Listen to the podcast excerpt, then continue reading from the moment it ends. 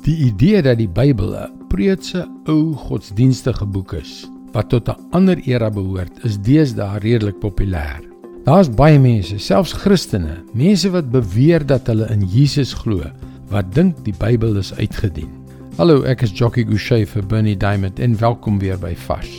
As ons eerlik wil wees, is daar sommige dinge wat jy in die Bybel lees wat vandag baie minder relevant lyk as wat dit miskien was toe dit destyds geskryf is. Dit was immers 'n ander kultuur en 'n ander tyd. Dit is waarom dit so maklik is om die Bybel af te maak as irrelevant. Die rol van vroue het tog wesentlik verander. Deesdae is hulle rol nie meer 'n kontensieuse vraagstuk nie. Vroue is deesdae in baie gevalle hoogs opgeleide, effektiewe leiers met soveel om te bied. Hoe kan ons dan nog glo wat die Bybel oor die rolle van mans en vrouens sê? Ons weet deesdae meer oor sielkunde, fisiologie en seksualiteit. Hoe kan ons glo wat die Bybel oor die spesifieke onderwerpe sê? Ja, daar is nog baie verskillende aspekte waarna die kritisie verwys. Die fout wat ons maak is egter om te aanvaar dat die woord van God destyds toe dit geskryf is, meer gewild was as vandag. Dit was nie. Die Israeliete het profeet na profeet verwerp en doodgemaak.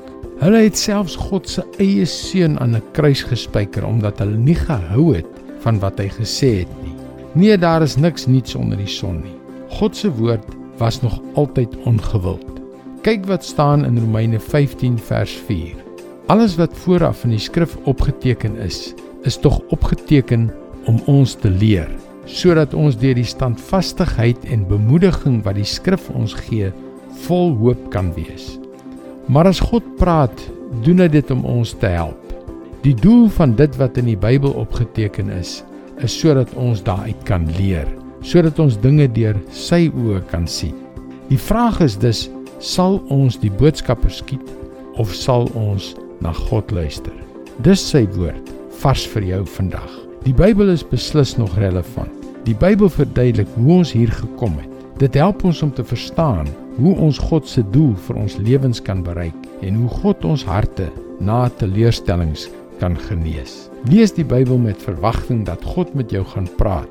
Bid en vertrou dat hy die dinge wat jou verwar vir jou duidelik sal maak. Ek wil jou graag aanmoedig om ons webwerf varsvandag.co.za te besoek. Daar, baie om oor na te dink om jou te help op jou reis tot 'n betekenisvolle verhouding met God. Skakel weer môre op dieselfde tyd op jou gunstelingstasie in vir nog 'n boodskap van Bernie Diamond. Mooi loop tot môre.